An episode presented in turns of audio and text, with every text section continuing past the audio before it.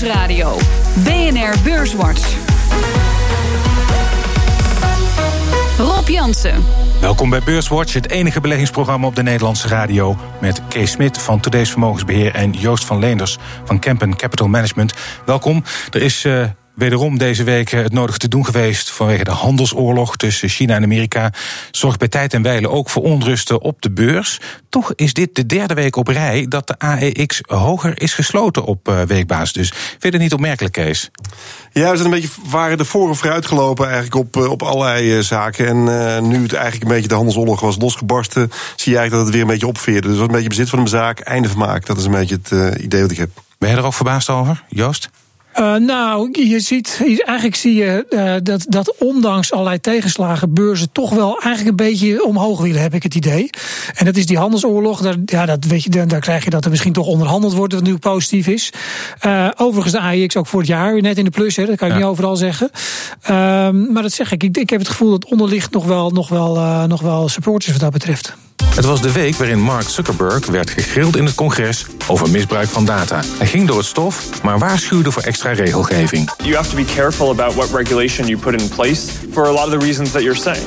I think a lot of times regulation by definition puts in place rules that a company that is larger that has resources like ours can easily comply with but that might be more difficult for a smaller startup to, to, to comply with. Topman Larry Fink van 's werelds grootste vermogensbeheerder, BlackRock, legt uit waarom je nooit uit aandelen moet stappen als het even tegenzit. Integendeel. For those who have been in the market, stayed in the market after the 2008 crash in 2009, really benefited. And those who ran away from the market really, you know, were quite harmed by that action. En het was de week waarin Trump nog eens liet weten waarom hij nog niet klaar is met China. If we sell a car into China, number one, they won't take the car.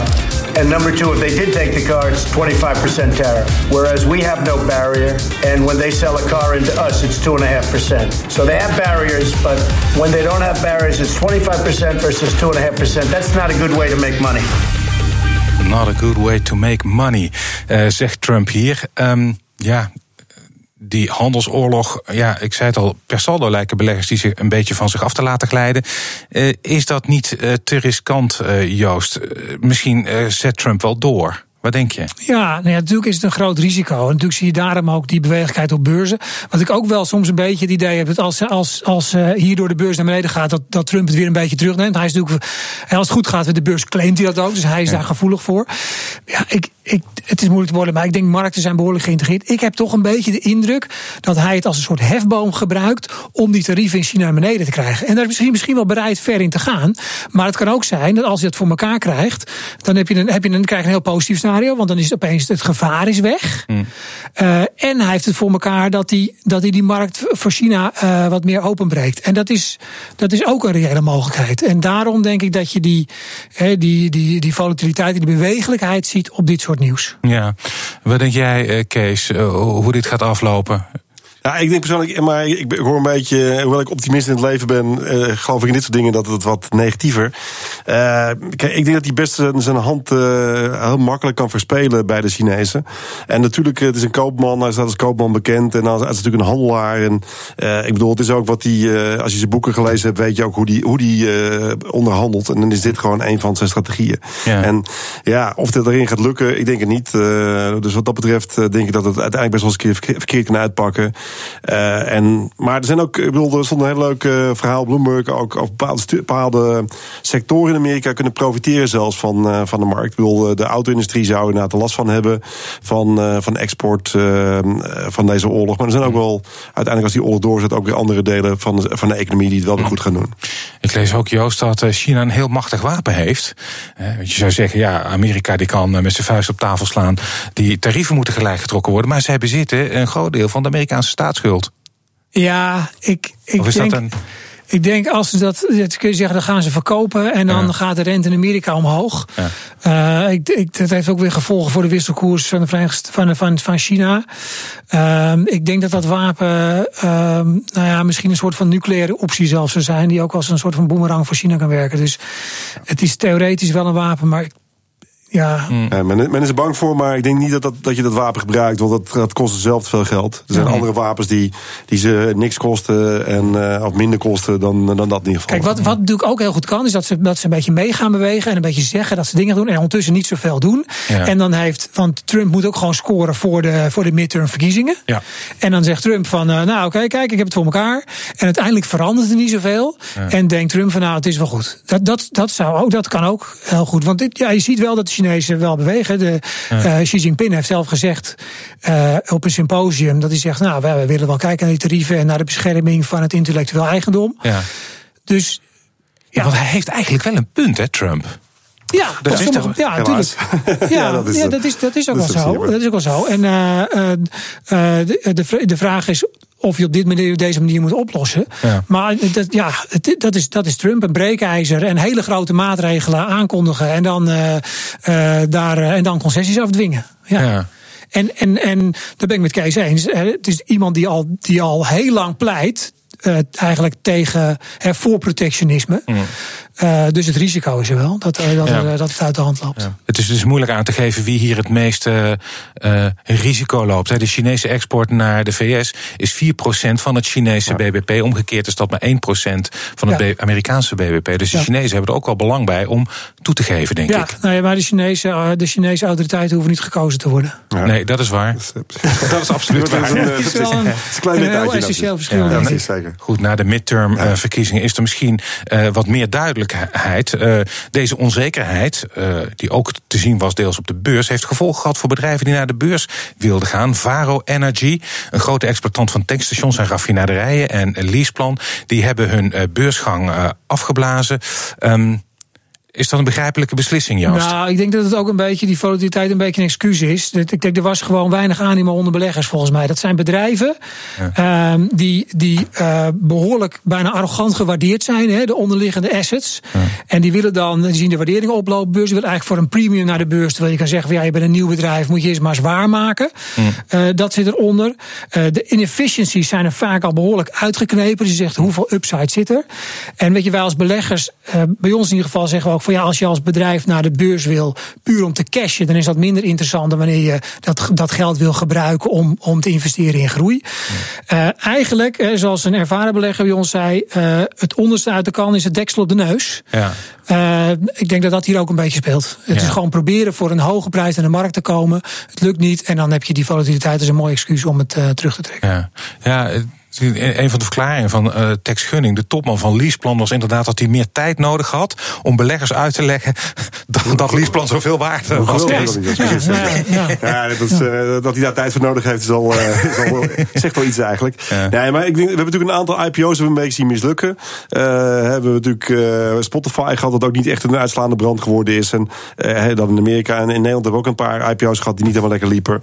En daarmee ja, is het ook, begint, dan zie je ook wel een beetje dat een, een, een kentering te komen in, in, uh, ja, in wat er kan eigenlijk. Mm -hmm. En dit zijn inderdaad ge geen sexy bedrijven wat mij betreft uh, om daar uh, direct in te stappen. Ja, en we hebben een paar beursgangen gezien op één dag. Hè. We ja. hadden BNS, Precies, NIBC, ja. Ja. Alphen.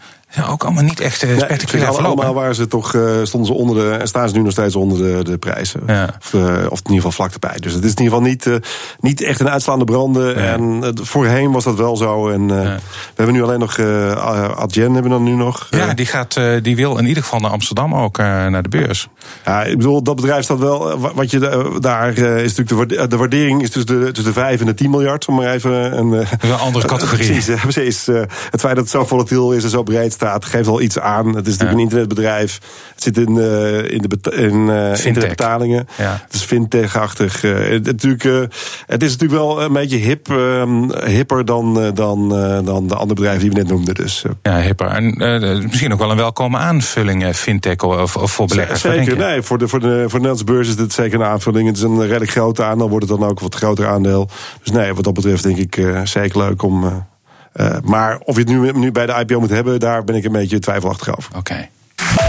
Zometeen praten we verder over beurs en economie. Onder andere over de bluffpoker van Elon Musk. BNR Nieuwsradio.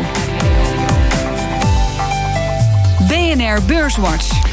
We gaan het zo hebben over Tesla en Facebook. Maar uh, eerst kijken we nog even naar de beurs. Dat doen we met uh, Kees Smit vandaag van Today's Vermogensbeheer en Joost van Leenders van Kempen Capital Management.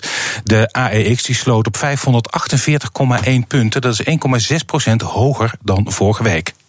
Stijgers. De drie grootste stijgers in de AEX op weekbasis. Op 1 Altis, een plus van 8,4 procent. Op 2 verzekeraar ASR met een plus van 6,8 procent. En op 3 Galapagos met een plus van 5,9 procent. En het midcap aandeel dat het best presteerde deze week was Fugro.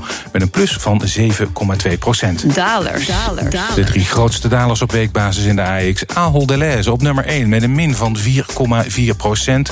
Op 2 Vopak met een min van 3,3 procent. Uh, en op 3 uh, Unilever met een min van 1,5 procent. En in de midcap was de grootste daler deze week Air France KLM. Met een verlies van 2,5 procent. En de AEX is deze week vier van de vijf handelsdagen uh, hoger gesloten. Um, ik wil even stilstaan bij die verzekeraars, Kees. Um, ASR op de tweede plek, maar ook Egon had een goede week achter de rug. 5,4 procent erbij in een week. NN Group 3,9 procent. Stijgende rente. Beleggers hebben blijkbaar zin in uh, verzekeraars. Doen al een ja, paar weken Stijgende goed. rente is dus zou positief moeten zijn voor de, voor de verzekeraars. Maar uh, ja, voor de rest heb ik zelf ook niet echt een, uh, niet echt een idee waarom je, waarom je juist deze week die moest hebben. Ik bedoel, hmm. de olieaandelen en de, en de KLM waren wel heel verklaarbaar. En Ahold ook. Maar om nou nu deze week speciaal. Ik heb niet echt een bericht. Ik kijk, ik vraag aan nee, Joost. Nee, nee, nee, dus, dat is niet waarom we nu deze week de verzekeraars moesten hebben. Dus, uh. Nee, als je nou kijkt naar de, de, de, de onderliggende uh, economie in Europa, en dat is Egon minder, maar ASR natuurlijk, ja. veel bedrijven en AX zijn daar toch ook voor een groot deel van afhankelijk. Dan lijkt het er een beetje op alsof de rek eruit is. De industriële productie, Joost, die krimpt al twee maanden op rij. En dat was toch een beetje de motor ja. in 2017 van de groei. Um, reden om somber te zijn? Ja, nee, ja, kijk, eigenlijk de meest, de, het meest uh, uh, schokkende cijfer bijna is wel als je kijkt hoe de macrocijfers uitkomen ten opzichte van de verwachtingen. Daar zijn ja. indexen voor. Ja. En die is echt, echt gekelderd in Europa. Ja. Kun je zeggen, ja, de, goed, de verwachtingen waren te hoog, dat kan. Maar je ziet wel een aantal cijfers wat tegenvallen. Um, ja, waardoor kan dat? Het, het, het, lijkt een beetje tijdelijk. Het eerste kwartaal, het, het, weer wat wat invloed heeft, het andere tijdelijke factoren. Want die economie die draait op zich wel goed. Die zie je vrij breed, de groei in de zin van het aantal landen, verschillende sectoren, uh, bedrijfsinvesteringen die groeien, de arbeidsmarkt. Um, ja, dus dat, dat kan zijn dat de dure euro een beetje part speelt. Mm. Uh, die is natuurlijk ook wel, wel, wel opgelopen, maar die is, die is fundamenteel gezien niet overdreven duur. Mm. Dus um, ik ben. Ik, ja, ik ben niet zo bang voor dat, nou die, ja. dat die Europese economie echt, echt fundamenteel aan het kenteren is. Ja, maar die, die, die uh, uh, surprise index heet dat geloof ik. Ja. Dat, dat slaat uh, dan hoog uit. Um, is dat ook een betrouwbare indicator bijvoorbeeld? Of zijn, zijn, geeft die wel vaker een vals alarm? Ja, nou, het is soms een beetje ruis, ook wel. Maar het is wel iets waar, uh, waar markten wel eens op aanslaan. Precies, ik wou zeggen, nee, dat, uh, over het algemeen werkt het redelijk. Dus, uh, mm. dat, oh, ja. Overigens zie je dat, dat, dat eigenlijk, als je kijkt nu naar, aande, naar Europese, de Europese aandelenindex, mm -hmm. dat die ten opzichte van de VS het eigenlijk juist wat, eigenlijk juist wat beter doet. Ja. En dan kan je ook zeggen, ja, die opmars van de euro is tot stand gekomen. Want die is natuurlijk achtergebleven. En nu zie je eigenlijk dat daar, dat daar wat meer herstel in zit. Dat is, dat is natuurlijk ook wel weer opmerkelijk. Mm. Uh, dus beleggers kijken er misschien ook doorheen. En ook wel naar de, naar de, ja, de onderliggende winstcijfers van bedrijven. Mm. Um als je kijkt naar die economie in Europa, en dan bedoel ik eigenlijk in uh, de eurozone, dan klaagt de ECB dat de inflatie te laag blijft. Um, wat is de beste manier om die toch, want de ECB doet heel veel. Uh, inflatie is een van hun core businesses om die goed te uh, regelen. En het lukt niet, Joost.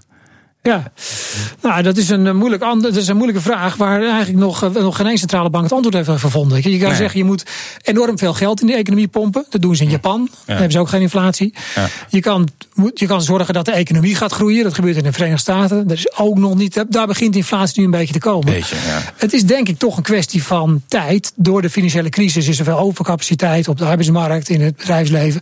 En daar moet je, daar moet je uitgroeien. En dan moet je weer inflatie krijgen. En dan heb je ook een aantal structurele factoren waar die inflatie laag is, wat het ook moeilijker maakt voor zijn centrale bank. Ja. Ja, ik denk juist dat, dat centrale banken zich moeten, verder moeten terugtrekken. Dat geeft inflatie juist. Ik bedoel, uh, de vergelijking van Fischer is gewoon uiteindelijk hoeveel, hoeveel keer de, de velocity, dus de omloopsnelheid.